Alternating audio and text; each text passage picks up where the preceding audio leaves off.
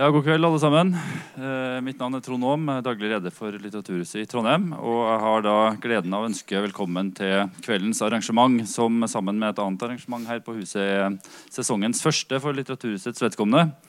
Eh, 'Begjæret i litteraturen', eh, Peder Kjøs og Heidi Anette Haugen. Eh, Peder Kjøs har vært eh, gjest her f- ganske mange ganger tidligere, egentlig. I rollen både som psykolog og som samtaleleder for andre forfattere. Men nå har han altså debutert med en, med en boksingel som skjønnlitterær forfatter. Så det blir en helt ny rolle. Narrative eller biologiske nødvendigheter, som har, har tema som er i slekt med det han driver med til daglig. Og vi har eh, invitert han til samtale sammen med Heidi Anette Haugen, billedkunstner og forfatter bosatt eh, her i Trondheim, som eh, har utgitt en roman, 'Kuk og hjarta', på samme forlag som Peder Kjøs, altså, som hun debuterte med i fjor. Og De to romanene de, de har ganske mange fellestrekk rundt både sex og kjønnsroller og kjærlighet og mange spennende temaer som, som vi skal gå inn på i dag. Og det er også spennende å nevne at eh, ingen, etter hva jeg forstår, så er det ingen, som, ingen av dere to som har snakka om romanene i en sånn offentlig samtale før. Eh, Så det syns jeg også er veldig interessant. Eh, Solveig Klæbo Reitan, psykiater ved NTNU og St. Olavs hospital, skal lede samtalen. Og den vil vare i ca. 45 minutter, en liten time. Og det vil bli mulighet for å stille spørsmål etterpå. Eh, Som alltid, Det er mulig å kjøpe drikke bakerst i lokalet her. Og det er toaletter i barneavdelinga på, um, på biblioteket. Og det er nødutganger eh, der og der. Så da har jeg vel fått med meg det viktigste av, av det praktiske. Så hjertelig velkommen til dere, og spesielt hjertelig velkommen til dere tre i panelet.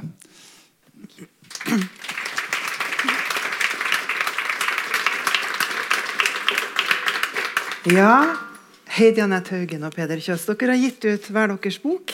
Gratulerer. Mhm. Heidi Anette, boka di heter 'Kuk og hjarta'. Og så står det at det er tekster om å være ung og kjæresteri. Hmm, kuk og hjarta det er jo to ting, to organ. Eh, hva det mener tenker du at boka di er humoristisk? Er den ironisk? Er den alvorlig? Hvordan eh, vil du si at Hva slags type bok er det her? For titlene slår jo litt. Ja, jeg tenker at den er, den er jo morsom, men den er jo òg eh, intim og nær. På en måte rå, ærlig eller noe sånt. Ekte, eller hva en skal si. Eh, men at det òg er humor i den, ja. Mm. jeg høre litt fra den etter hvert òg. For i første Det er tre deler. Mm. I del én så har jeg-personen en kjæreste, en psykologstudent, som har litt problematisk rusbruk. Mm. Det er litt sånn litt traurig på mange måter. Og i del to så er det litt mer sånn oppvåkning, men da er kjæresten en sånn litt uh, kinky DJ som hun ikke helt har kontakt med. Så det, det blir liksom, det er ganske ill, trist. Og så på sluttens tredjedel så er den sånn overraskende harmonisk. Men, jeg hadde, jeg hadde, når jeg begynte å lese, så tenkte jeg nå blir det bare verre og verre, men så ble det så koselig. Så bra. Men jeg tenker òg liksom at det som er interessant, eller når du også kaller det kjæresteri, det er jo at jeg tenker at hovedpersonen er i relasjoner som kanskje heller ikke er definert, og hvor vanskelig det kan være, på en måte. Eh, hva en kanskje forutinntatt tenker da, hvis en opplever kanskje noe seksuelt, at da er det mellom, mellom oss, eller også Kanskje det blir noen sånn skjæringspunkt at det var det faktisk ikke, eller Så ja, det, er interessant. Mm. Mm. Ja, for du illustrerer jo det veldig godt i boka. Ja. Det er jo litt sånn med det første kapittelet hvor det er at han vil gjerne være sammen, da. Fordi han tror at hun vil være sammen. Og da går det opp for henne at hun vil gjerne bare fortsette sånn som det er, men hun vil ikke ha denne definisjonen, på en måte. Og da Kanskje han blir såra, kanskje noe skjer, kanskje Ja. Ja. Mm. ja, For det er jo hennes perspektiv, hele boka. Ja. Jeg, jeg-person- det høres ut som jeg-personen er jenta. ja. Ja. Mm. Mm. Men de her tre kjærestene, da. Eh, først er det en psykologstudent med litt rusproblemer og litt problemer både her og der. Og så er det han der DJ-en som eh, vel ingen ville anbefalt å ha vært kjæreste med. Han er litt tvilsom. Og så er det en litt mer ullen til slutt. Hva skal vi tenke om de, Har de menn? Er de bare staffasje, eller har de, har Nei, de noen personlighet der? Jeg tenker litt uh, av an... Eller av og til når jeg leser Eller det jeg tenker er fint med boka mi En kunne jo tenkt eh, Hvis en tenker litt sånn hore Madonna, så Man setter liksom på spissen menn ligger rundt, og det er greit, men hvis kvinner gjør det, så blir de stemplet som ei hore. Så en kan tenke da at hun eh, Ja, hun går ifra relasjon til relasjon. Eh, og en kunne tenkt at da skal han òg ha en attitude som er ganske sånn hard og kald. Men det som er interessant med hun er jo at eh, hun har følelser. Og ting betyr jo noe for henne. Hun tenker kanskje at det ikke gjør det, men hun innser at det gjør det. Og da tenker jeg, hvis jeg tenker sånn som en amatørpsykolog, at eh, eh, jeg tror en blir forma da i livet sitt fra barndom og relasjoner en har. Så hun òg går jo kanskje inn i noen mønster, og at ting kanskje gjentar seg. Eh, men på samme tid, hun er jo veldig impulsiv og lar seg bli revet med, ja. Mm. På en måte. Men jeg tenker òg at hun er ung, sånn i 20-åra. Eh, og så klart, hun vil gjerne elske og bli elska, men, men hvem skal hun elske? Og hvem skal elske hun, og hvem kan bekrefte hun på en måte? Og hva har hun bruk for? Mm. Det er vanskelig å vite. Ja. Mm. Kanskje, den, jeg sier at boka er jo morsom. Kan ikke du lese litt fra den? Vi snakka om noen sider som kan Ja. være fin. Så får folk høre litt stemninga. Mm. Det er en slags bok. Mm. Hun, jeg kan jo nevne at hun går på kunstakademi, da. Eh, så i kapittel N så er det veldig mye om denne relasjonen som du nevner med han psykologen. Og i kapittel to så begynner Marog å bli interessert i eh, teori og vil prøve å gjøre et slags kunstprosjekt, da. Er hjerte utbyttbare storleker? Jeg skriver det med store bokstaver på midten av ei stor papplate, tegner en sirkel rundt, let forgreininger stikke ut av sirkelen og danner nye sirkler. Skjønnlitterær skriver jeg i den ene sirkelen, lyst i en annen, begjær i en tredje og kjensler i den fjerde. Tankekartet er så stort og tungt at det holder på å falle ned i hovedet på meg da jeg henger det oppover skrivebordet mitt. Jeg finner fram en limpistol for å feste det bedre. Det er første skoledag, og sammen med Britt setter jeg meg ut på gressplenen framfor Kunstakademiet, like ved varm varmkompostbeholderen. Britt er leder i kompostgruppa. Det er blitt en del ny jord i ferien, sier hun, og klapper på kompostbeholderen. Jeg nikker. Men hei, sier Britt, det var ikke for å snakke om det vi gikk ut hit. Hun tar fram penn og papir. La meg få høre, sier hun. Hva tanker har du om ditt kommende bachelorprosjekt? Og Britt, jeg har gleda meg hele sommeren til å fortelle deg det. Følte ikke for å skrive eller ringe, men sier det sånn ansikt til ansikt. Jeg vil se på kuk og hjerte som utbyttbare storleiker. Ok, sier Britt, hvordan har du tenkt å gjøre det? Ut fra noen sentrale passasjer i sentrale skjønnlitterære verk, hvor hjertet er sentralt, vil jeg bytte det ut med kuk for å se hvordan det blir, og på den måten si noe om lyst og begjær opp mot kjensler. Jeg har sett på tekster av Jacques Lacan i teorikompendiet og hva han mener om fallosen, at han bare kan ha den makt han har hvis han ikke blir skreven om, at han er i det underbevisste. Så jeg vil skrive fallosen inn i språket ved å byte hjertet med kuk, og på den måten gjøre fallos nærværende, få han fram fra det ubevisste og sprenge slå hull, i to pidestallen han sitter på. Jeg skal velte kuken fra alle privilegium. Britt ser granskende på meg. Du vet at Jacques Lacan var inspirert av Sigmund Freud, som kaller den kvinnelige seksualiteten for det mørke kontinentet, og Jacques Lacan sa faktisk selv at kvinner strengt tatt ikke fins. Har du tenkt å reprodusere den historiske eksklusjonen av det kvinnelige subjektet? Uh, nei, altså, jeg gjemmer hendene mine under låra, sit på dem for å tenke bedre, jeg veit ikke helt hva, er ikke så sikker lenger. I stedet for bare å gå semiotisk til verks, Kanskje du også bør se mer fenomenologisk på det. Ta Simone de Beauvoir til dømes. Hun vektla den kroppslige erfaringa. Den poststrukturalistiske tenkinga legger altfor stor vekt på språket for å undersøke verden. Men hva med kroppen? Du kan jo tenke kroppen som en horisont for all forståing. Og hva stil har du tenkt å skrive bachelorteksten i? Det er jo gjennom den teksten ekstern sensor skal bli kjent med arbeidet ditt for første gang før eksamen. Tenker du at teksten din skal ha en maskulin, penetrerende og gjennomborende stil, eller en mer feminin stil, hvor du liksom legger ut spor i teksten, dekonstruerer han og forskyver hele språket, spør Britt. Jeg veit ikke engang om jeg kan skrive maskulint eller feminint, sier jeg. Sier ikke det, sier Britt. Det fins de som mener at skrifta allerede er maskulint skjønne og fallosentrisk, og at språket er bygd på en fallisk struktur der det feminine blir ekskludert.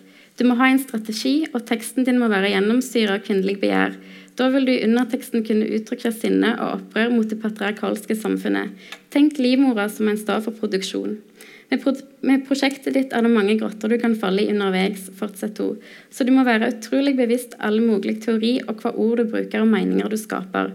Men husk å ha det gøy. Du er jo ikke ei nonne. Unn deg et glass vin innimellom og kom deg ut. Slippe tårer litt, liksom. Fuck, Britt. Jeg tror dette blir vanskelig, sier jeg. Ikke vanskeligere enn hva du gjør det til, sier Britt og lener seg mot meg. Papiret med notater har hun bretta til en sommerfugl som hun legger i brystlomma på den rutete flanellskjorta mi. Mm.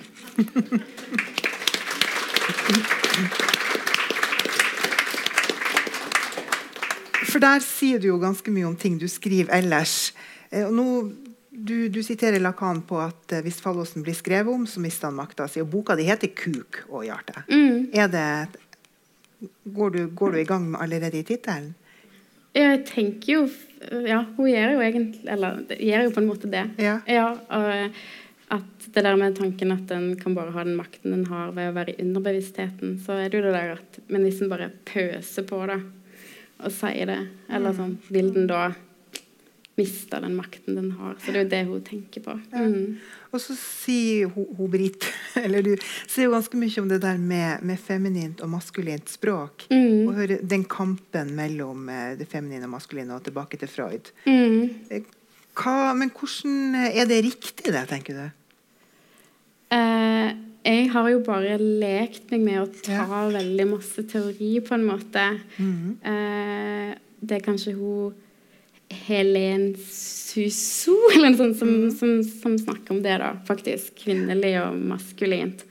Så, så, det er jo noen teoretikere eller filosofer og sånn som mener at, eh, at språk, hvis språk allerede er maskulint, og kvinnene skriver inn i det språket, så skriver de jo bare som en eh, mann, men hvordan skal en skrive som en kvinne? og mm. sånne ting. Men så klart, da gjør en jo òg igjen forskjell på kjønn. og det er jo mm. mange debatter en kan ta rundt det.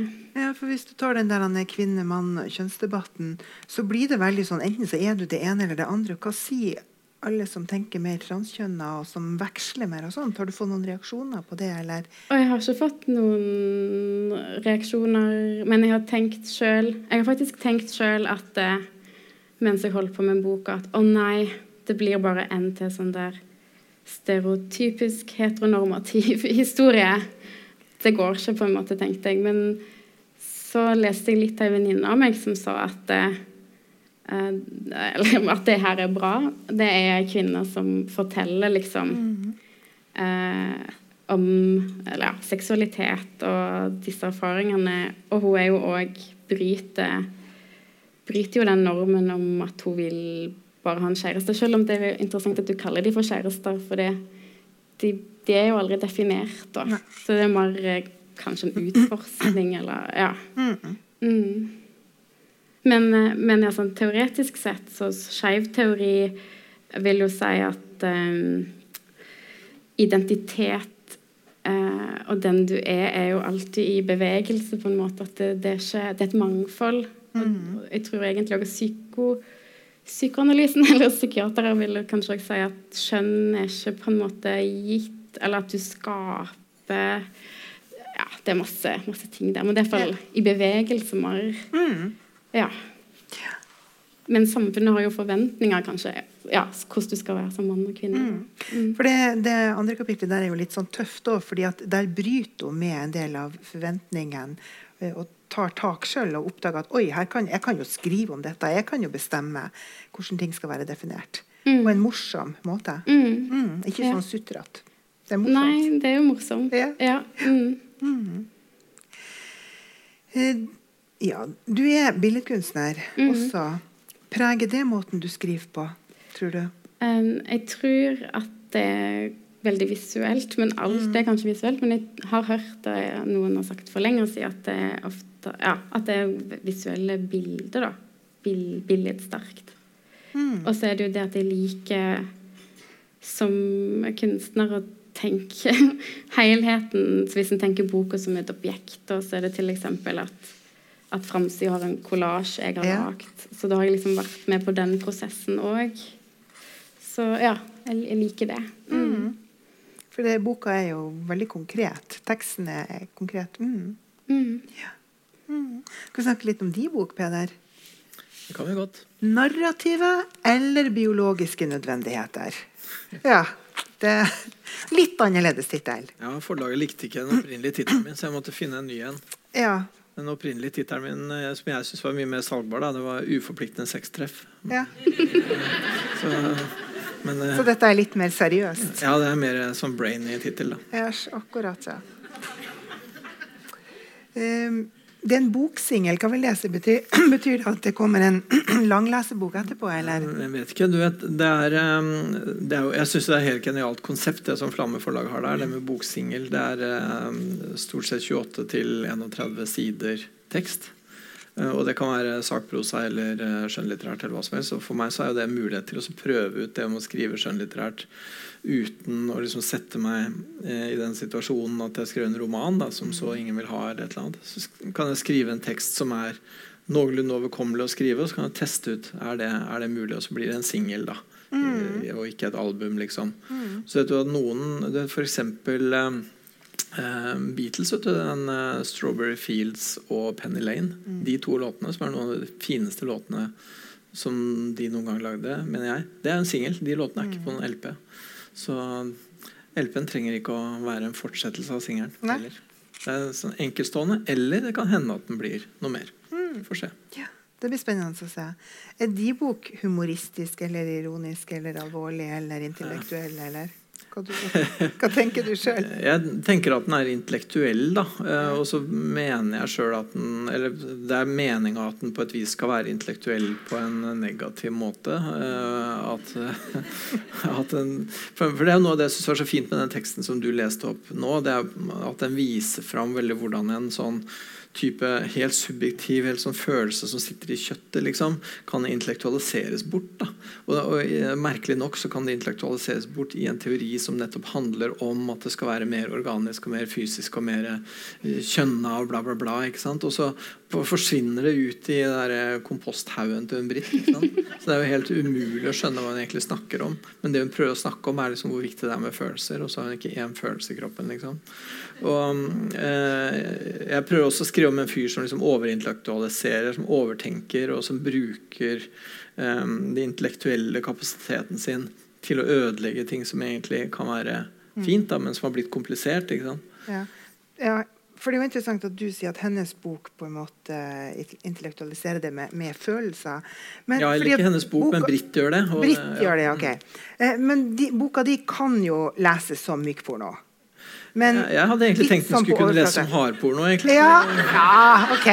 Går litt an på hvor man legger lista. Okay, ja. Jeg synes, Det er nettopp det. ja, ja. jeg synes sånn fisting og sånn er ganske Men- hardt. men Men, det, men det koker jo i hodet på han eh, fortelleren. Ja, det gjør det. Kan ikke du lese litt, sånn at folk får litt følelse av hvilken bok dette er? hvis jeg må, så Ja, du må det. Skal vi se, Hvilken bit har du lyst til at jeg skal lese da? Den eh, på side Kan ikke du ta den der hvor vi har to avsnitt og ei setning imellom? Ja. Side 8. ja. Side åtte. Det Scenen vi kommer inn i, er det er en kar som er eh, Som ikke har dratt på jobben i dag. Han har isteden dratt for å møte en dame som han tidligere har møtt uh, en gang. Og nå skal de ha seg. Så har de seg. Jeg bøyer meg ned. Hun sprer bena. Jeg slikker henne. Hun er veldig våt og smaker og lukter ingenting.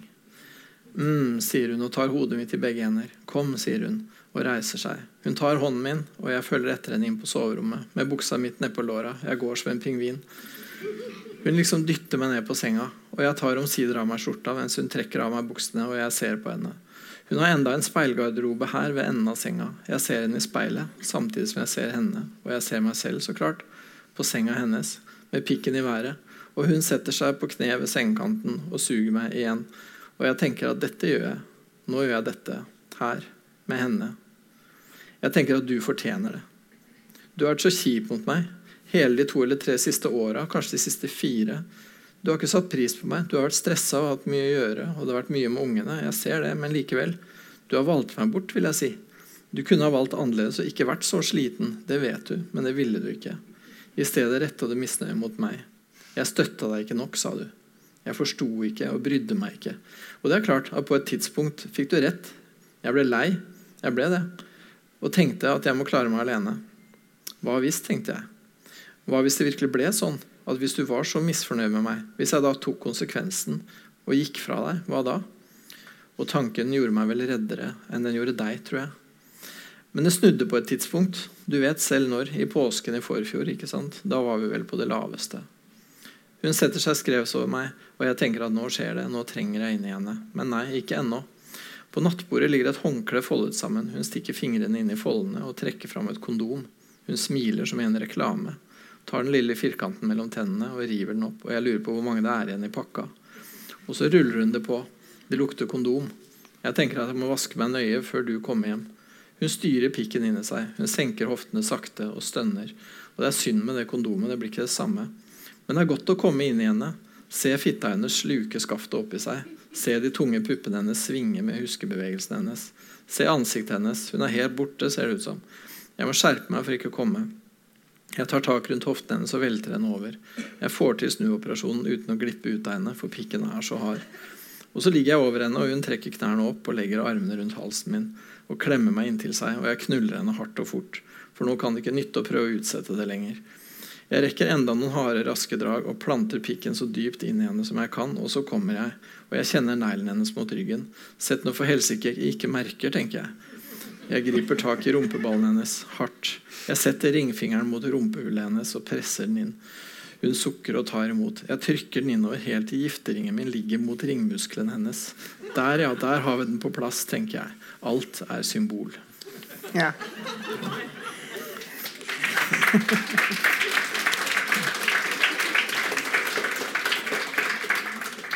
For egentlig så kverner det inn i hodet på han hele tida. Det gjør det. Han tenker Ja. og tenker. Han er ikke ferdig med den der samtalen de ikke har hatt hjemme. Nei. Nei, Han tenker og tenker og furter og furter.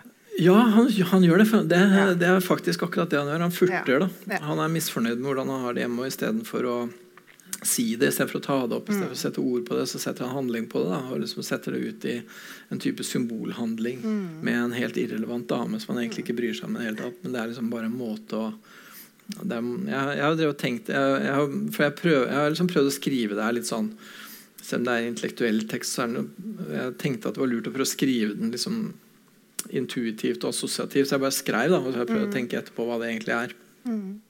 Så jeg tenker at det er på en måte en litt sånn Hva er det han driver med i en del én her, da? Det er, det er en slags vanhelligelse, ikke sant? Det er når han tar det, gifteringen og lar den liksom ligge mot rumpehullet til en annen dame. Det er på en måte en slags sånn tilskitning av det hellige, tenker jeg da. Det, er liksom som å, det er som å spytte ut nattverdsbrødet, på en måte. ikke sant? At det er en sånn eh, Ja, det har jeg tenkt, men det har jeg tenkt først nå. da. Jeg tenkte ikke det. Nei.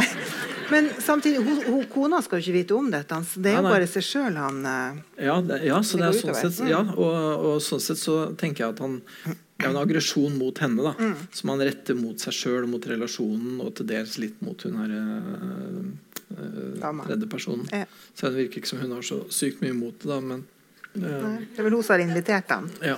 Mm. Hun har vel sine ting, og Ja, Ja. hun har nok det. mm. Noen andre kan skrive bok om henne, da, tenkte jeg. ja, Ja. ja. Så du tenker ikke jeg kan gjøre det, nei? Jo, det, det kan du sikkert gjøre.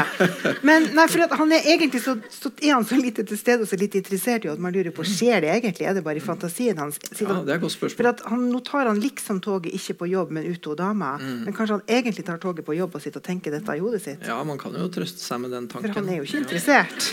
Ja. Ja. Ja. Ja, og det er sånn spørsmål som, du vet, det er jo mange bøker hvor man kan stille det spørsmålet, sånn som, sånn som eh, Hamsuns sult, f.eks.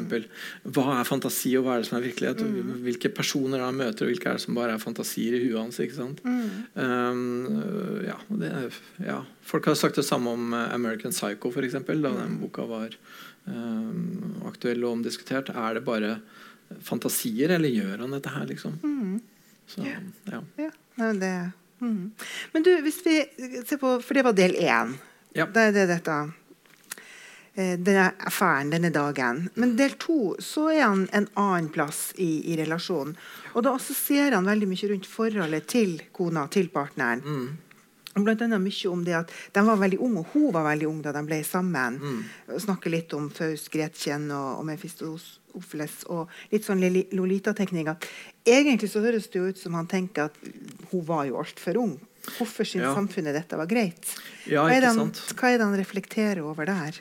Jeg tenker at Det var ikke eh, en Lolita-ting, fordi han sjøl var jo også veldig ung. De var ja. jevnaldrende, men de var veldig unge. Mm. Eh, så det var liksom mer sånn puppy love. da. Ja, okay. um, men det var ikke bra, på en måte. For det, det, der tenker jeg han Det han sutrer over der, da, var at liksom ingen satte grenser for han, at ingen passa på. Ja. Uh, de to utvikla et erotisk forhold som de åpenbart ikke var modne for altfor tidlig. Og det mm. utvikla seg da dessverre til å bli et ekteskap som de heller ikke var særlig modne for. Og derfra så gikk det vel egentlig nedover. da. Mm. Um, så, og så klager han på det. Hvorfor var det ingen som passa på? Hvorfor var det ingen som satte grenser? Hvorfor sa ingen at dere får ikke lov til å gjøre dette her? Um, og det er jo en sånn eksternalisering. ikke sant? Han prøver mm. liksom å legge ansvaret på foreldra sine og på de andre. i det der. Jeg tenkte at det liksom er litt sånn type sånn, eh, sånn frikirkemiljø eller sånn da, som de var i. Jeg har ikke spesifisert så nøye, for jeg vet ikke så mye om de frikirkemiljøene. Da, så jeg hadde ikke lyst til å skrive ja, de gjorde det, og så sier noen nei, det gjør sånne folk aldri. så jeg lar det være litt vagt. Men mm. det som i hvert fall var, da, var at de overskred grenser, og ingen uh, satte de grensene for dem. Og det er på en måte uh, litt sånn det han er. Han, han har jo da på et vis bare seg sjøl. Han, liksom han, prøver å finne ut av seg sjøl uten å ha noe å støte imot. Mm. Og det går jo liksom ikke. Du må ha noe å støte imot for å finne hvor er yttergrensene mine. liksom. Mm. Så det er vel de han prøver å finne. da. Ja. Så de prøver å finne da sammen med hun eh, kona ved å da gjøre eh, seksuelle ting med henne da, som mm. ikke nødvendigvis ja, jeg, jeg, Folk er forskjellige, men jeg føler at jeg går utafor det myke pornografiske. Ja. det er greit, det. Mm. Ja, for du, fordi du tenker at han, han, han, legger skylda på samfunnet. Du tenkte ikke noe mer over at her burde samfunnet tatt litt sånn mer generelt ansvar? Nei, jeg, jeg, jeg har ikke tenkt, for jeg har ikke at, jeg har tenkt at Ungdommen i dag, det var ikke den du tok? liksom? Jeg tenker at han legger ansvaret på Gud. da. Ja. Eh, jeg tenker at, han, at det er um, verdensordenen. Mm. Og, og, samfunnet er jo kan man, man, kan godt si at samfunnet er verdensordenen i det liksom post-Gud-samfunnet. liksom. Mm. Men jeg har tenkt at det er samfunnsordenen med Gud på toppen som han gjør opprør mot på et vis. Som han gjør opprør mot. Men er, har han rett? Er han litt offer? Burde samfunnet stilt mer opp for han og laga mer grenser? sånn at det ikke ble sånn? Ja, Det er et godt spørsmål, egentlig. Eh, eh, hva ville da skjedd hvis, hvis, liksom, eh, hvis noen hadde satt grenser for Adam og Eva? Da ja. Da hadde vi aldri spist kunnskapens tre. Da hadde ikke vi sittet her og drukket vin. Hadde vi vel. Nei, det, Nei Da hadde liksom historien aldri kommet i gang. Så jeg tenker Det er liksom noe med, det er noe med, det er liksom en verdi ved overskridelsen også. ikke sant? Mm. For den der... Um, man, man, jeg tenker at liksom Ungdomstid og ung voksentid handler veldig mye om det. Du må finne grensene, og de finner du egentlig litt idet det går i stykker. på en måte. Mm. Men her så går de litt mer i stykker enn det de bør. da. Og jeg tenker også Det er det hun holder på hun her, det er det hun holder på med hun også. Hun driver og prøver å sjekke ut liksom, hva kan jeg gjøre, hva er ålreit, hva kan jeg få folk med på, hva, hva går an å involvere, hva, hva kan vi bygge? Uh, er vi sammen nå? Det der, Er vi kjærester nå? Det er jo et sånt mm. spørsmål. ikke sant? Har vi nå liksom gjort dette sammen? Er det nå oss? liksom? Mm. Eller tumler vi fortsatt rundt som sånne uh, uh, uvitende dyr da, uh, mm. som mennesket er i paradis før kunnskapens uh, eple. liksom. Ja. Og så er det at hun holder jo, Kanskje hun er student, ganske ung, mm. holder på med disse tingene. Ja. Mens han jeg-personen i de bok, ja. han, der er den, han er litt eldre, virker det som. Ja, som alle Burde romanpersoner så er han omtrent på samme alder som forfatteren. Er ikke? Ja. ja. Så han kan representere en venn. Eller en pasient. Jeg, snakker, jeg spør for en venn. Spør for en venn, ja. Sånn er det. Ja. Eh, Nei, men, det, men det, er jo, det, er jo, klart det. Man skriver om på en måte det man er interessert i å være opptatt av. Jeg er jo nå opptatt av hvordan det er å være en mann på 50. Liksom. Den mest utskjelte gruppen i vårt uh, samfunn nest etter Ku Klux Klan. Mm. Som, som, jo stort sett er menn over 50. Men uh, Og, og, det er jo det du gjør, og du skriver om en kunststudent. obviously. Uh, man gjør jo det, man skriver om det man på en måte føler at man vet noe om. Eh, I siste delen av boka da er han veldig teknisk, naturvitenskapelig, filosoferende. Mhm. Har han funnet noen sannheter, eller bare landa han Jeg tenker at Han prøver så godt han kan å ikke finne sannheter. og Ja. Han prøver å intellektualisere det bort. Han prøver å gjøre seg til en sånn Egentlig så har jeg tenkt at den del tre da, For, for del én så øh, boller han unna dama, og i del to så øh, er det kona hans som på en måte får kjørt seg. Og i treeren så I del tre så er det en slags sånn hyperintellektuell, eh, navlebeskuende diskusjon om evolusjon og eh, og som på en måte sånn Hva heter det? Eh, ja, det er en sånn oversettelsesfeil i Det gamle testamentet. og sånn. Det er faktisk ekte. det er skrevet av en professor Zioni Sevit ved American Jewish University i California, som mener at Eva ikke ble lagd av et ribbein. Um, det er en oversettelsesfeil, mener han, i Bibelen. Han ble faktisk skapt av penisbeinet. For veldig, mange, veldig mange dyr har bein da, i pikken, og mennesker har ikke det. Men derimot så har menneskehannen, da, eller mannen, som vi sier, har en slags eh, sånn søm på undersida. Vet ikke om du har lagt merke til? Jeg har lest lest biologien. Du har lest den, ja? ja. Så, ehm, sånn at på et eller annet tidspunkt så må en eller annen mann, antagelig Moses, da, ha kikka ned på seg selv og sagt her er det en søm, det ser ut som det har vært åpna, det mangler noen ting her, og dyra har noe som jeg ikke har. Så her har det vært fjerna noen ting. Så det er dette penisbeinet som Eva ble lagd av, mener da den godeste eh, Zioni Zevit ved American Jewish University i California. Og dette handler tredjedelen ganske det, mye om. det er sant. og Han mener det på ordentlig. Det er sant at han mener det, ja. ja. Ja, Og så er det noen som er uenig med han, da. Ja. Ja. Men jeg synes, da jeg, falt- da jeg snubla over den teorien da, i mine vandringer på internett, så ble jeg veldig glad. Det er litt sånn renere og ryddigere siste delen av boka. da. Ja, men det handler om det, og der, der tenker jeg det er litt den der, du vet, litt den der incel-tingen. Du vet, menn som på en måte beklager sin skjebne. For, for det, når du da ser da, at oi, det beinet har blitt fjerna og det blir lagd en dame av det, så er det en slags kastraksjon. Det er liksom urkastraksjonen da, eh, som eh, han da er bitter for. Og som egentlig alle menn går og er bitre for. da. For vi har blitt kastrert, og uh, det stolte beinet i den her greia har blitt fjerna, og hva har vi fått tilbake? Kvinnen, liksom. Hva faen? Ikke sant? Hva er det her for noe? Så uh, ja. Så drodler han litt rundt det, da. Så. Ja. Du, eh, du har jo gitt ut mange fakta, eller fagbøker om psykologi. Ja, du syns det passa nå? Ja. Gjør det. Hva, hva får du, nå, nå prøvde jeg å være litt seriøs. da. Du, eh, hvorfor skriver du skjønnlitteratur i tillegg? Er det for å formidle noe helt annet, eller får du formidla det på en annen måte? Ja, jeg, jeg føler på en måte at uh, det tematiske er mer det samme. Det handler om om jeg, jeg tenker vel at egentlig alle de sakprosabøkene mine også, så prøver jeg så godt jeg kan å liksom eh, få fram Jeg prøver å fordype meg liksom i en type livsfølelse. Da, og hva, hva det, hva det, det, jo, det høres jo kjempesvært ut, men det handler om hva det er å være, er å være menneske på denne jorda. Da. Uh, og alle de forskjellige aspektene ved det, enten det handler om hud og berøring, eller om det handler om ensomhet, eller om det handler om angsten som et urfenomen, eller om det handler om bevissthet, eller, eller hva. Så det, er liksom, det er det jeg kretser rundt hele tida. Det fenomenologiske. Liksom, hvordan oppleves det? Hvordan føles det å være, å være til? Liksom? Hvordan føles det å være menneske? Liksom? Og da eh, ja. Og også i de sakprosabøkene så holder jeg jo også på med det med utgangspunkt i meg sjøl. Min egen angst, min egen redsel for å åpne vinduskonvolutter og min egen uh, følelse av tilkortkommenhet og min egen uh, fomling. da.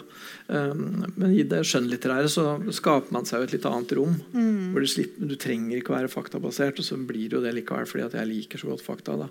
Men, Fakta, fakta. ja, ja, eller jeg liker på en måte å lese ting, da. Um, og raske det sammen. Man trenger ikke være så nøye. Man kan gå tettere på det som føl det som på en måte på et vis betyr mest følelsesmessig, også fordi at du skaffer deg det rommet at Um, jeg kan skrive hva jeg vil fordi um, Kanskje er det selvbiografisk, kanskje ikke. Mm. Ingen kan vite det på et vis, og det er ikke så interessant heller, men det er interessant for meg. da. Mm. Jeg får da muligheten. Jeg kan ta noe som jeg har skikkelig lyst til å utforske ved meg sjøl eller mine relasjoner, og så kan jeg putte det inn sammen med en hel masse annet. Mm. Så det er ingen som vet hva som er det ekte, og hva som er Mm. det irrelevante. For det er jo hva du kan skrive om det ekspressive. Men Mm. tenker du at du kan formidle til leseren fag på en annen måte? Nei, det har jeg ikke tenkt. Det har du ikke tenkt? Nei, Jeg har ikke noen ambisjon om det. Jeg Nei. tenker at man kan det, men Men, jeg det gjør ikke det. et mm. Og det er mange gode forfattere som gjør det. Jeg synes eh, Jalom, for eksempel, da, når han skriver om uh, psykoterapi og om uh, uh, Nietzsche og alt det greiene der. Mm. Det er veldig bra, også på et sånt uh, sakplan. da. Det, Mm. det er, man blir klokere sånn intellektuelt. Men jeg uh, har ikke lyst til å skrive sånn Jeg har lyst til å bruke det liksom skjønnlitterære rommet til noe annet. Mm. Til å være mye mer subjektivt. Ja. For det er, det er jo i bunn og grunn det er jo, Når jeg sier at jeg er opptatt av det fenomenologiske og hva det er å være menneske, så vil jo det si at jeg er opptatt av subjektivitet. ikke? Mm. Hva det er å være akkurat deg. Ikke hva det er å være men menneske, men, Mm. men hvordan kjennes det å være akkurat nøyaktig deg. liksom. Mm. Jeg ser at mange kan kjenne det akkurat likeens. Og den gjenkjennelsen. Ja. Og det du får i skjønnlitteraturen og i annen kunst, Mm. hvor du får en opplevelse som gjør at du Nettopp. skjønner ting Ja, du ikke skjønner selv om du leser fagbøker. absolutt. Mm. Og det er to forskjellige moduser, og begge, begge er veldig fine. Og jeg, veldig- jeg syns det er veldig spennende å liksom prøve meg litt inn på den andre sektoren, da, som jeg alltid har hatt veldig stor respekt for. Jeg har hatt lyst til å skrive skjønnlitterær siden jeg var 15. liksom. Mm. Så, så for meg er det veldig spennende og interessant. da Prøve å bruke det, den delen av Mm. huet litt. Ja, nå er jo dere to forskjellige personer, og så er dere forskjellig kjønn. Nei, nei, vi er Også, samme person, faktisk. Nei. Eh, Men eh, fordi at bøkene er litt han, Jeg-personen i de bok, Peder, den, eh, han er alene. Mm. Han har en dialog med kona, men han snakker jo ikke om henne. Han snakker jo inni hodet sitt. Mm. Eh, mens hun, jeg-personen i de bok, hun har jo ei venninne. Hun har jo Britt. Mm. Er det tilfeldig, eller er det for at det er ei jente som er hovedpersonen hos deg, tror du? At det ble ei venninne. Hun har faktisk ei venninne. Det er ikke bare hennes tanker. Uh, nei, jeg, tenk, jeg tenkte det var veldig naturlig å ha venner. Ja. være ei venninne, hvorfor ikke? Ja. Ja. Det er litt ja, for å kunne snakke Jeg har jo egentlig tenkt Når jeg leste disse to sammen, da, Mm. eller så tenkte jeg at eh, din person har disse teoretiske tankene for seg sjøl, men hun har ofte denne venninna, som Mm. de teoretiske tingene blir snakket om. Men hun òg fletter det jo inn i det seksuelle, skulle jeg si, eller Mm. Ja. Mm. Ja, for den, jeg, tenker, bøkene, jeg så på en nettside eller Facebook hvor det var, så når Litteraturhuset har annonsert den, jeg tror Trond sa det også, så er liksom overskrifta 'Begjæret i litteraturen'. Mm. Eh, og så skriver dere litt erotiske ting, og, ja, om myke hår på harnporno osv. i bøkene. Men er det egentlig målet og objektet det dere skriver om, eller er det mer et middel til å skrive om relasjon mellom mennesker og mennesker alene i verden versus i relasjon til andre? Brukte dere det bare for å få litt oppmerksomhet om noe annet? Ja, hvordan var det? For jeg, jeg tenkte, Handler det egentlig om begjær i litteraturen, eller handler det egentlig om menneskelige relasjoner, parrelasjoner? Mm. jeg har tenkt Jeg bare tenkte litt på når en av og til ser på film, men så har jeg tenkt kanskje det er fordi det er tolvårsgrensa. Men da er det ofte liksom sånn Et par går og legger seg i seng, klipp. Og så neste dag står de opp, og så skal han bare ha tenkt seg det at her har det vært noe sex, Ja. kanskje. Eller sånn. Og jeg føler av og til noen bøker òg er litt sånn at de klipper eller de skriver sånn Og så krangler de hele natta, og så en ny dag. Så, men hva var det egentlig de snakket om? Hva skjedde der? Mm. Så det er det jeg tenker at mm, altså Av og til når det skrives om, om sånne intime ting vi har skrevet om, så blir det så pompøst eller romantisert. Og, Mm. Så det er egentlig det der å kunne holde det mer på jorda, sånn som det kanskje kan være, eller er. Eller, Mm.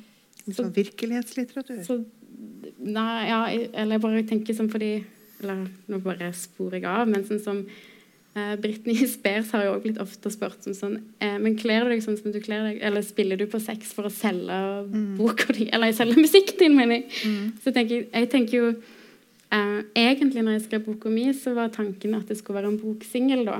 Så første kapittelet skulle egentlig være en boksingel, men den ble jo så lang. Så det ble heller i bok. Eh, men da samla jeg liksom alt jeg følte handla om, eh, om, om, seksuelle ting. Og nå glemmer jeg av, for nå visste jeg hva jeg skulle si. for jeg begynte å snakke så langt. Eh, jeg kommer kanskje på det. Jo, for jeg spurte om det Ja, ja på, sånn på overflata så er det jo begjæret i litteraturen. Men, men, egentlig så er det jo relasjoner, parrelasjoner. Mm. Dere skriver om begge to. De er ganske ensom, Særlig han er jo veldig ensom. Han er veldig ensom. Og, ja, og så er han så hjelpeløs i ensomheten. For hun her er jo hun her, eh, hun kukentusiasten, hun er jo også på en måte ensom, men hun gjør noe med det. da. Hun er ganske liksom, på et vis konstruktiv. Syns jeg. At hun liksom hun prøver, å, hun prøver liksom å, å, knytte seg an og prøver å liksom åpne kommunikasjonskanaler, og sånn, mens han her bare går dypere og dypere ned i internett og i sine egne sånne Eh, intellektualiseringer, liksom. Um, for, for, for, liksom, for, det er jo interessant, det har jeg ikke tenkt på, grunn, men den der, eh, del tre det kunne jo vært en samtale med en venn. Mm. Og, og, hvorfor er det ikke en samtale med en venn? Ja. Så tenker jeg nei, han har vel ikke noe å snakke med? Hvem skulle han fortalt dette her til? Liksom? Nei. nei. Og så er det ville samtalen med en kompis vært annerledes enn hennes samtale med en venninne. Ja, jeg tror, kompisene hans, jeg tror ikke kompisene hans komposterer så mye som Britt gjør. Nei. Verken uh, jord eller tanker. Nei. Men det der frøyd, frøydianske Det der uh, uh, kastreringstingen, si, da er jo tanken at menn har en grunn til å være sint på kvinnen fordi mm. kvinnen er kastrert. og mannen vil få angst av å se på kvinnen, eller et eller annet. Det er masse sånn Så han kunne jo godt ha snakket med en venn som var litt sånn der kan, Kanskje. Jeg vet ikke. Mm. Mm. Nei, jeg tenker Hadde han turt, så burde han snakka med en psykolog, kanskje. Ja, kanskje. ja. Men det er litt gøy i begynnelsen av din boksingel, fordi når han kommer til henne som han skal være utro med, da, så er han litt sånn der Uh -oh, Kanskje det er skjult kamera her. Kanskje hun har en kjæreste i skapet som er kortklippa og vil komme fram og vil si sånn OK, jeg har dette på video, jeg kommer til å sende det til kona di, liksom. Du må betale masse penger. Men da er han veldig sånn der eh, Drit i det. det. Det kan bare skje. Du kan bare få det materialet, på en måte. Så han er litt sånn ambivalent òg, og òg helt i begynnelsen. For i min bok er hun litt sånn der vil at han ene hun har relasjon med, skal sende en Nei, hun vil vite hvor han er. så hun sender en SMS og spør hvor er du, jeg har bare bruk for å vite hvor du er. Du trenger ikke å komme hit, jeg vil bare vite at du kan komme her, eller at du er her for meg.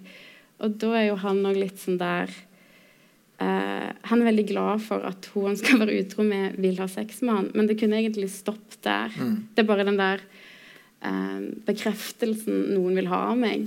Mm. Men han kjører jo på, altså. Men jeg bare tenker sånn Det er jo interessant. Det, ja. det hadde jo vært veldig avklarende for han hvis dette her ble avslørt, og hvis liksom ja. det rakna. Da. Mm. Det hadde vært tydeligere, og da hadde han jo kommet ut. Da hadde han jo måttet liksom vise seg fram, stå fram, fortelle hvem han er, på et vis. ikke sant? Men han vil, jo, han vil egentlig håpe han litt at det skal skje, for, han, for han, ønsker ikke å ta det ansvaret sjøl og skal si det. Mm. Så fint hvis noen andre bare kan si, si det. Eller, mm. så jeg tenker det du skriver litt om, er jo at de òg er jo i et fastna i et eller annet slags mønster som mm. de er ikke fornøyd i å være i da. Nei, det er jo på en måte det er jo, det er jo, det er det også liksom, Hvis han ble avslørt, da, hvis, hvis hun her dama virkelig hadde da, en kjæreste som sto og videofilma det hele, så ville jo det på et paradoks, eller på et forferdelig vis vært å bli sett. ikke sant? Mm. For han føler seg jo ikke sett. da. Mm. Og han uh, vil ikke bli sett, men tenk så godt det hadde vært å bli sett. Ja. Og bli gjort fri. da. Mm. Um, fra alt dette her. Fra hele den skammen ved å være uh, ja, ved å være så innelukka, ved å være den han er. liksom. Mm. Og så blir jo han satt i den rollen eh, hvor han òg tenker sånn Er hun forelska i meg nå? Hun er vel ikke forelska? Skal jeg bli nå denne mannen som brekker et hjerte, skulle du si, eller sånn, og kommer til å dra fra henne, for jeg har aldri vært den. Eller sånn som du sier, kanskje er den stille og så det, ja, det er veldig interessant. Mm. Mm. Ja. Jeg tenker at uh, de to bøkene sammen er mer enn på en måte én pluss én. Når, når, du leser begge to, så tilfører de ting til hverandre. Og særlig når man har hørt dere diskutere der i dag. Så uh, ja, for jeg har ikke tenkt på men Det er jo forbindelsespunkt her. For den ja. greia med at kvinnen er det mørke kontinent. Mm, det skrev du Det står jo i min også, akkurat det samme. Har du kopiert? jeg beklager. nei, nei. Sorry, ass. Men det som er gøy der, for du skriver at uh, kvinnen er et mørkt kontinent som en mangel. At kvinner har eh, mangler noe. Eller, eller litt sånn, Det er kanskje egentlig det samme. Mens jeg tenker at når hun Britt sier at uh, kvinner er et mørkt kontinent, så er det som om det heller egentlig ikke fins eller det, det er vel òg litt det med ja, og, det, og, der tenker jeg på en måte at hun har misforstått Freud veldig. Da. Ja. og hun, prøver, hun, bruker akkurat det sitatet på et vis i en slags sånn identitetspolitikkaktig type måte å skulle av feie Lacan. Ja. Nei, Vi kan ikke høre på Lacan fordi han var interessert i Freud, og Freud sa noe dumt en gang. Ja, ja, det er, det er den, sånn. den, logikken der, liksom. Mm. Som man jo kan kaste opp av. Men uh, den er veldig vanlig blitt. Um, men, uh, men, det jeg tenker at Freud mente der, var det at, at liksom, uh, unge gutter da, ser verden folde seg ut. Han var jo opptatt av de store oppdagerne, han var opptatt av Nansen, og var ikke så rent lite misunnelig på Nansen heller. ikke sant? Eh, og det å på en måte begi seg ut i verden og oppdage de, eh, de ikke kartlagte delene av verden. For det var jo den tida. ikke sant? Mm. Så, så, så, så, så, Når han sier at kvinnen er det mørke kontinent, så mener han at det er det som det er mannens misjon her i livet. Da, å vokse opp til å bli en oppdager og skulle ut og liksom ja, dessverre også da legge under seg dette mm. mørke kontinentet. da. Mm. Så, så, det er jo på Ja. Det er nok jeg tror nok det er tenkt litt sånn, da. Mm. Jeg, ja. Ja. Men det er jo veldig lenge siden. Det har skjedd veldig mye siden Freud. Ja, det er det delte meninger om. Det... Ja, blant annet så har jo jeg-personen i denne hjertet rett og slett bytta ut hjertet. Hun, jo, hun, klipper jo ut av bøker, og det er jo på en måte Sigrid Undset sitt 'Menneskenes hjertes forandres' aldeles intet, så bytter hun ut med kuk. Mm. Det er jo dramatisk. Mm. Ja. Den ideen er så morsom. Den er der. Mm. Ja. Menneskenes Men, kuker forandres aldri. Det er, jo, ikke sant? det, er, det er mye mer sant. Også. Det kan være mye konstruksjon i det. Mm. Ja. Jeg tenker at eh, det, folk kan jo få lese litt. Men jeg tror kanskje det er noen som kan ha noen spørsmål og Hvis det har vært mye servering av vin og øl, så kan det hende noen vil ha dere til å lese opp mer òg. Nå har jeg fått, mye, fått, lov til å diskutere så mye. Jeg har hatt stor glede av å lese bøkene og lese dem i lag og snakke med dere her. Så jeg tror jeg skal si tusen takk, og så skal vi heller høre om noen i salen har noen spørsmål òg. Gjerne. Ja.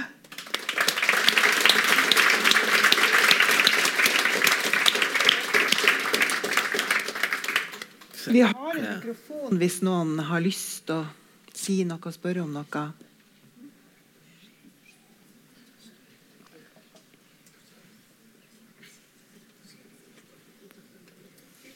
Ja, da vi har noen her framme. Uh, hej, uh, jeg hedder Kristoffer. Jeg er dansk. Jeg håper uh, det går greit. Jeg er litt interessert i å, vite noe om hvorfor det er interessant å skrive om sex og ikke begjæret. Altså, det er jo et meget konkret motiv som også kan være abstrakt. Og jeg kan ikke være med å tenke over når jeg hører jer blotte, at det også handler om, at sex som konkret motiv også sier rigtig meget om, hvordan vi forholder oss til vores egen usikkerhed, selvsikkerhed, medmenneskelighed osv. Om det er det, der sådan ligesom, undskyld ordvalget, tænder jer ved øh, det motiv i forhold til sex, eller hvorfor, hvorfor det er interessant. Det kunne jeg godt tænke mig at høre litt om. Ja.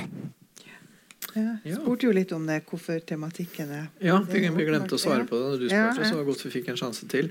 Eh, for, for jeg tenkte en ting eh, for, for, meg så er det å skrive om sex det er, jo, det er, jo, flere ting med det med sex, og også for meg med det å liksom prøve å liksom tre inn i et slags litterært skjønnlitterært rom, så, jeg, så, har jeg veldig lyst til å gjøre det på en måte eh, som i seg sjøl er grenseoverskridende. Mm. Jeg har lyst til å skrive på en sånn måte at jeg kan skrive hva som helst etterpå, på en måte. Hvis du skjønner. Mm. um, og ja, jeg, hadde lyst til å skrive noe skikkelig fælt. da mm. Så Derfor så prøvde jeg å gjøre det så ille som jeg kunne. Men Eh, så, så, det er liksom én grunn. Og så en andre grunnen til å skrive om sex er at det er en veldig ambivalent ting for meg. Jeg er jo kjempeopptatt av det. Det er nesten det eneste jeg tenker på. Holdt jeg på å si. Det er jo ikke, men, um, samtidig som jeg er veldig flau for det. Jeg syns alt sånt er veldig flaut og veldig pinlig og veldig skamfullt. Jeg synes alt med kropp og sånn er vanskelig. Samtidig som jeg er obsesst med det. Mm. Så, så, det er um, Derfor så er det liksom Når jeg først skal skrive, så har jeg lyst til å skrive om det. liksom Også fordi at det, det, var egentlig litt stritt å sitte og lese den inn som lydbok. Ja. uh, og han lydteknikeren sitter der og liksom Ja, du, kan vi ta det om igjen fra han kjørte kuken ned i halsen på henne? Så, ja, det er greit, vi tar det derfra, vi. Ja. Mm. Så Så ja. Jeg spør jo alltid om du, hvor mye du har utlevert deg sjøl når du skriver bok. og her mm.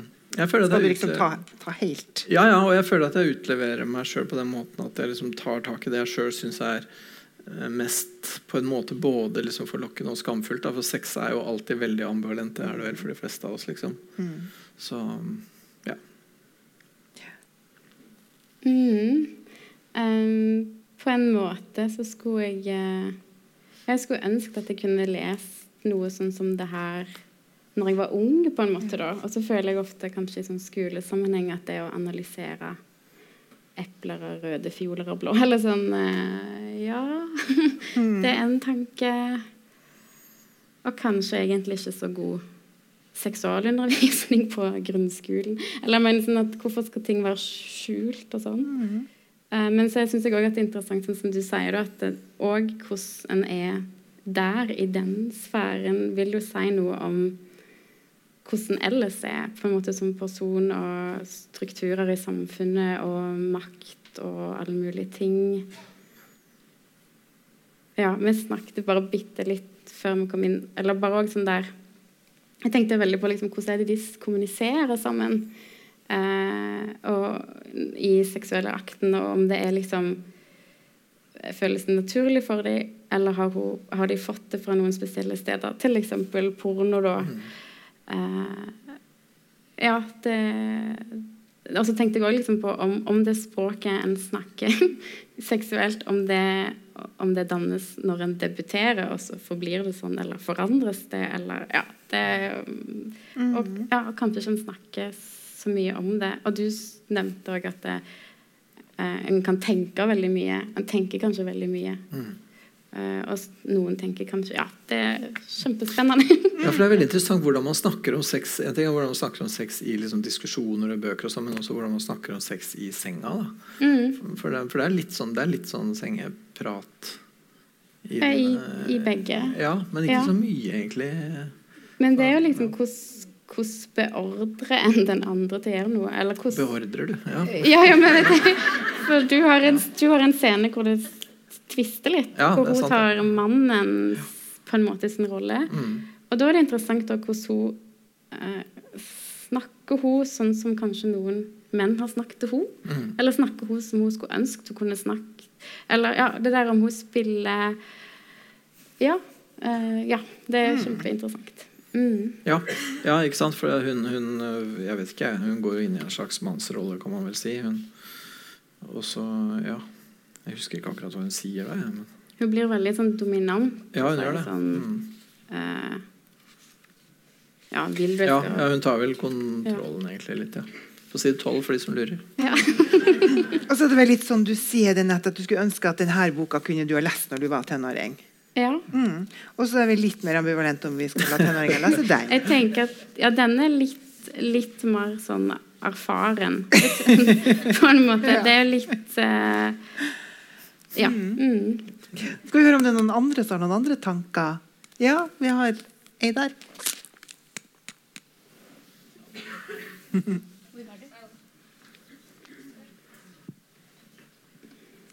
Ja.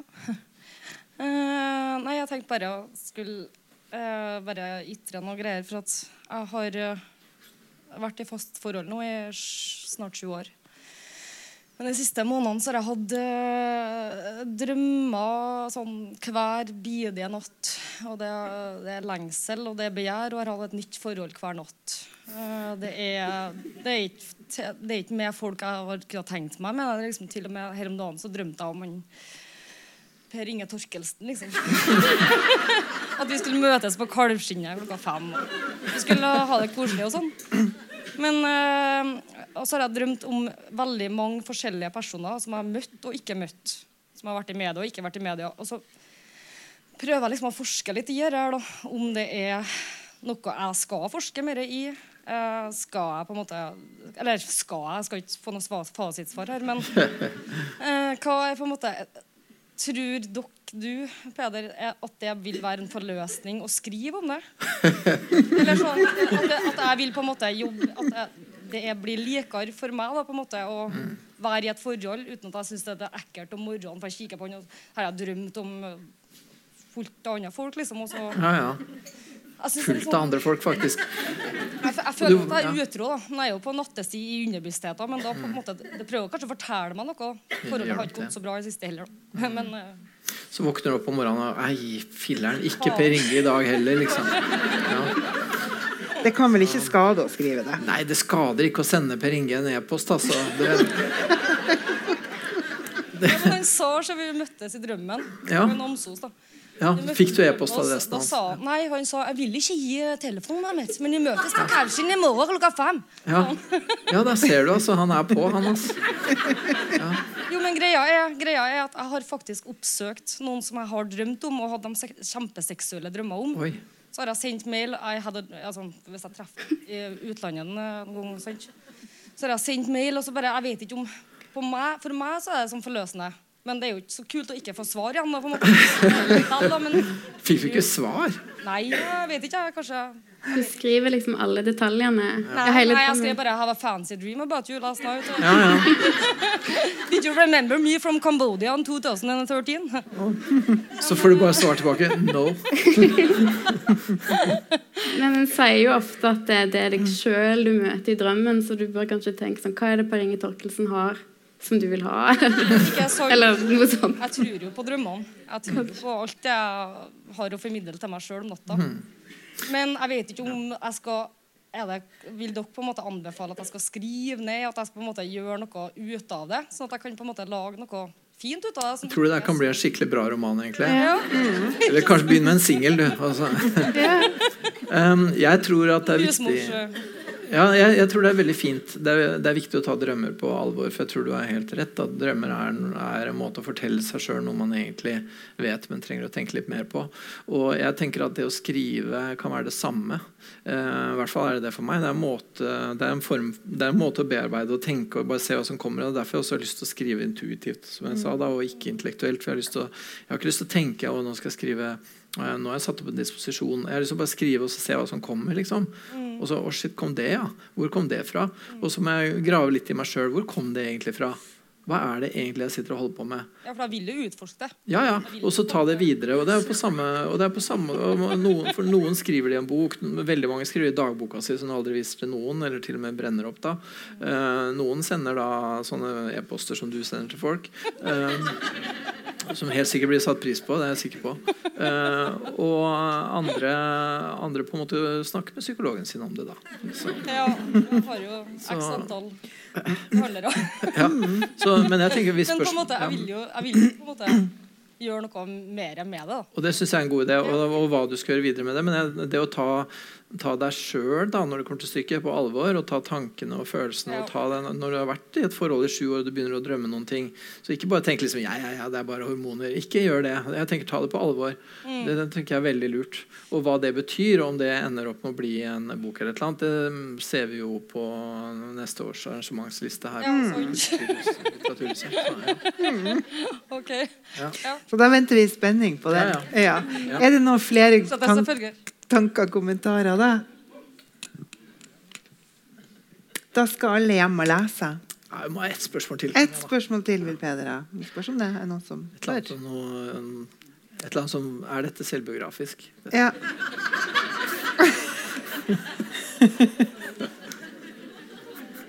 Heidi Anette. Du har jo skrevet det sjøl. Jeg tenkte egentlig på Heidi Anette sin bok. Ja, et spørsmål her. Nå er det ett her og ett her, Ja, vi som vi kan begge ta to. to. Vi tar begge to. Ja, Et veldig kort, kort spørsmål, da. Um, det står her i, i omtalen at um, vi skulle få høre om patriarkatets seksuelle krampetrekninger. Og jeg vet ikke helt hva det er. Jeg hadde håpet å få svar på det. Kan du, kan du ta også og liksom spør en venn, er det en funksjon? Kan du ringe til Britt? Er det ja, vet svaret. Eh, Det er vel du som har skrevet om den. patriarkatets siste mm. Ja, men jeg, er, jeg har på en måte tenkt at han fyren her er en litt sånn kar som liksom skylder på en måte eh, skylder litt på den der patriarkat Den der konflikten da mellom liksom det feministiske og, og patriarkatgreiene og sånn. For jeg tror at for en del folk og en del tilfeller så tenker jeg at det er en sånn pseudokonflikt. Det er en måte å eksternalisere sin egen indre konflikt på, da, eh, tenker jeg. Mye. Eh, og så er det mange helt reelle ting òg, men det føler jeg at det er en litt annen samtale. Da. Det der med, for, for liksom den likestillingssamtalen, i hvilken grad er kvinner og menn likestilte, og, og hvordan kan de bli det? Uh, det? Det er en veldig viktig prat, men den tror jeg ikke vi tar nå. Men, uh, men jeg tror at jeg tror at for han karen her så er det en slags sånn mindfuck. da. Det er en intellektuell av, selvavledning. Men det er òg noe vi ikke har snakket om, og det er når han kommer til hun der elskeren, så skal han liksom finne noe feil med henne. Og, og jeg tenker også han sier sånn Og kroppen hennes er så fin. I dag er hun fin. Og det er bare sånn For det er det der mannlige blikket. Og jeg tenker sånn Jeg skriver òg om intime ting, men jeg beskriver liksom ikke mannen sånn. Men det er han, eller han, ja. Og så er det òg at han henger seg opp i at når hun smiler, så går munnvikene ned. Han bare sånn, Det må jo være et eller annet som er galt med henne, liksom. Så det er litt det der eh, Ja. Hele boka er jo ei objektifisering Ja, ja, av ja. henne. ja, ja. Mm. men, helt- mm. det der eh, Det er jo en slags makt, um, makt Nei, hva kaller en det? Uh, hersketeknikk, Mm. da, liksom. Og sånn, ja, du er fin, men uh, det er et eller annet Det er en måte å ta, overs, Ja. det er en måte å ta et slags overtak og ta Ja, avstand. Og ta avstand sånn Ja. og forsvare seg sjøl. Og så Ja. tenker jeg òg når han sier sånn at uh, eh, hun lukter ingenting eller smaker ingenting. Da blir det bare sånn Hæ? Hvordan er det mulig? eller at en kropp ikke gjør det.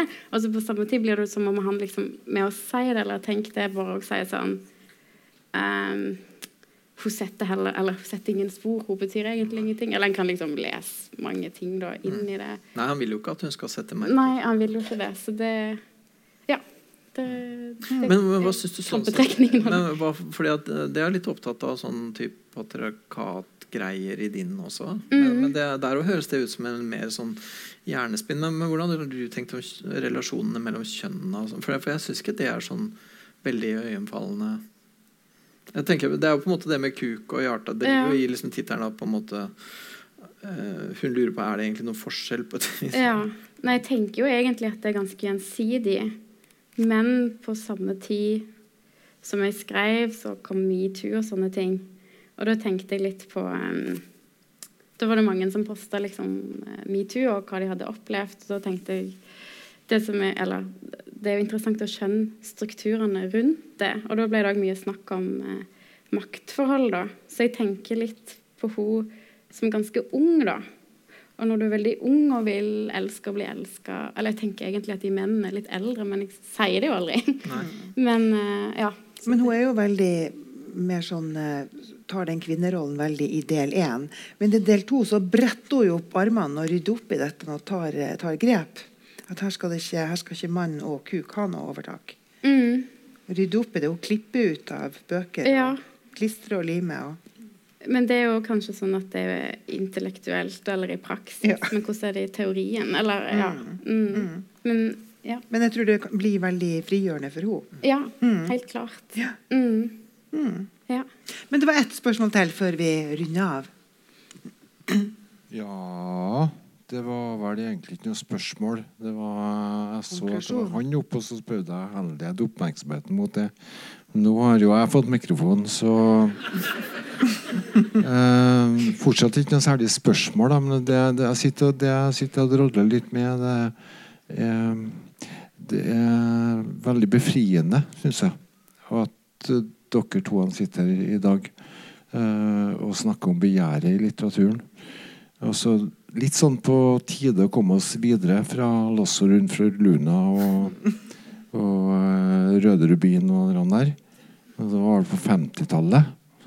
Så liksom sånn det å komme oss litt videre i forhold til det å beskrive eh, begjær, seksualitet eh, og sånn som dere nå har blitt presentert her i kveld, da, det syns jeg er veldig godt.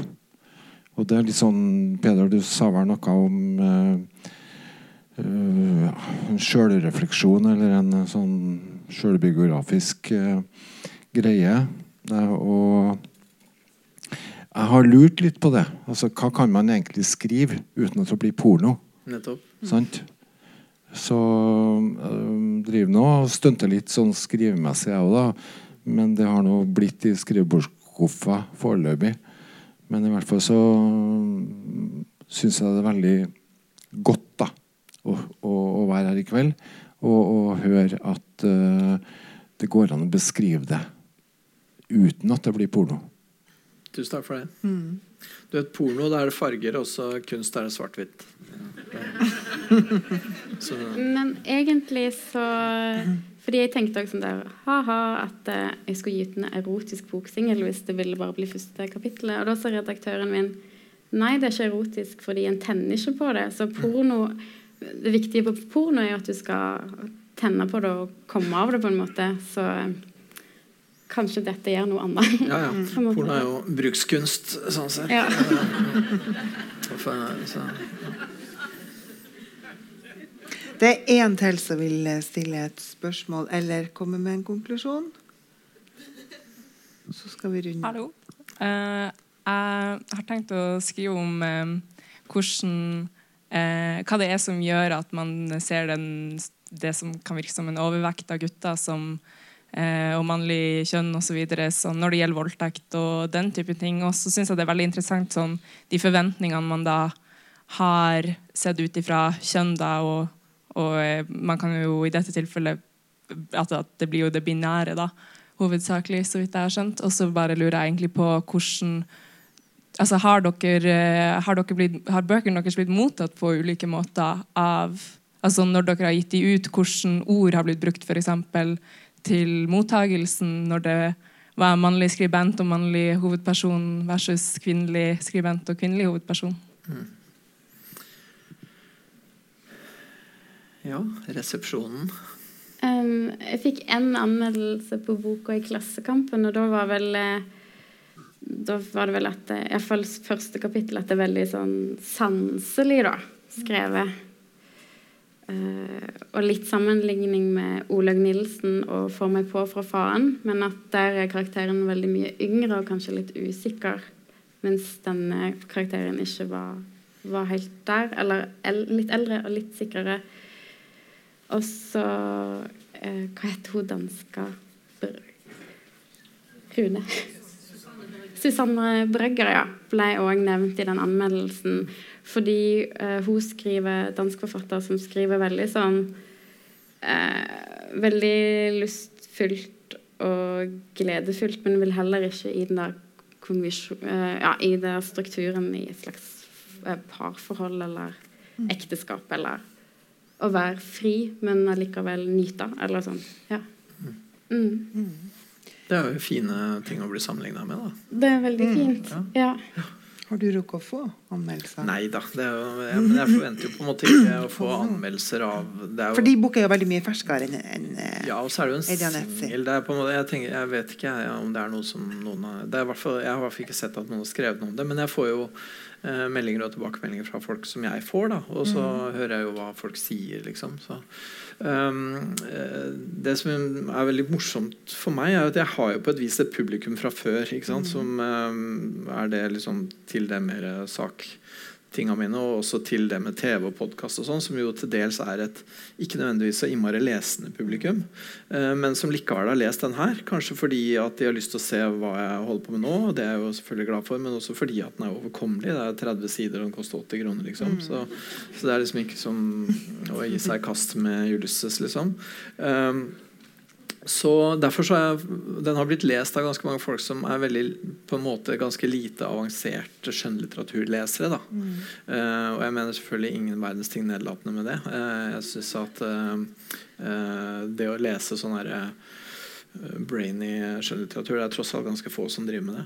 Um, og, og, der synes jeg det var veldig morsomt, for da hadde jeg venta at en del av de um, som kanskje ikke er vant til sånt, da, at de skulle bli litt sånn sjokkert eller at de skulle synes det var rart. Og sånn, og det har de liksom ikke syns. Mhm. Og det har jeg vært så glad for. At, um, at det som jeg har tenkt at det egentlig er litt sånn intellektuelt og eh, det er, ikke, det er ikke så lesevennlig tekst, har jeg tenkt. da Men det virker som folk, liksom, i hvert fall, i hvert fall de som melder til meg, da de har liksom tatt den imot og syns at uh, det gir dem et eller annet. Og, Mm. og at de liksom er glade for å ha lest den etterpå, selv om det var fælt mens det sto på.